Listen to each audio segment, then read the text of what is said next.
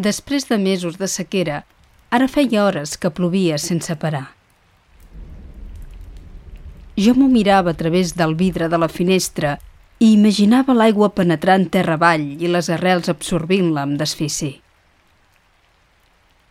Quan me n'he cansat, he tornat a seure a la butaca al costat de la llar i m'he embadalit amb l'anar fent de les flames i les brases.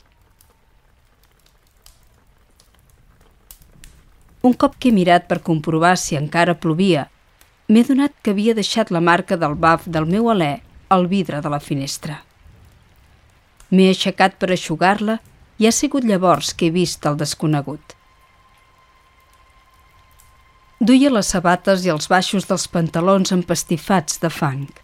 Anava tot xop, amb el cap cot i el posat cansat i resignat.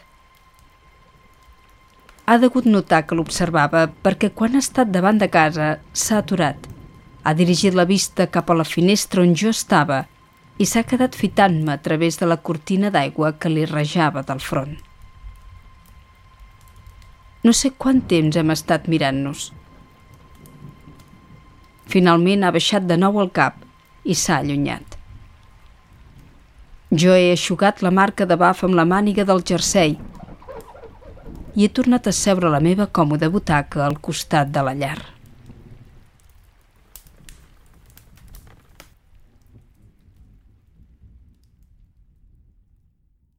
Baf, de Josep Canals. Relat guanyador del concurs de microrelats de la microbiblioteca Esteve Palutzier de Barberà del Vallès al febrer de 2019. Enregistrament amb veu alta.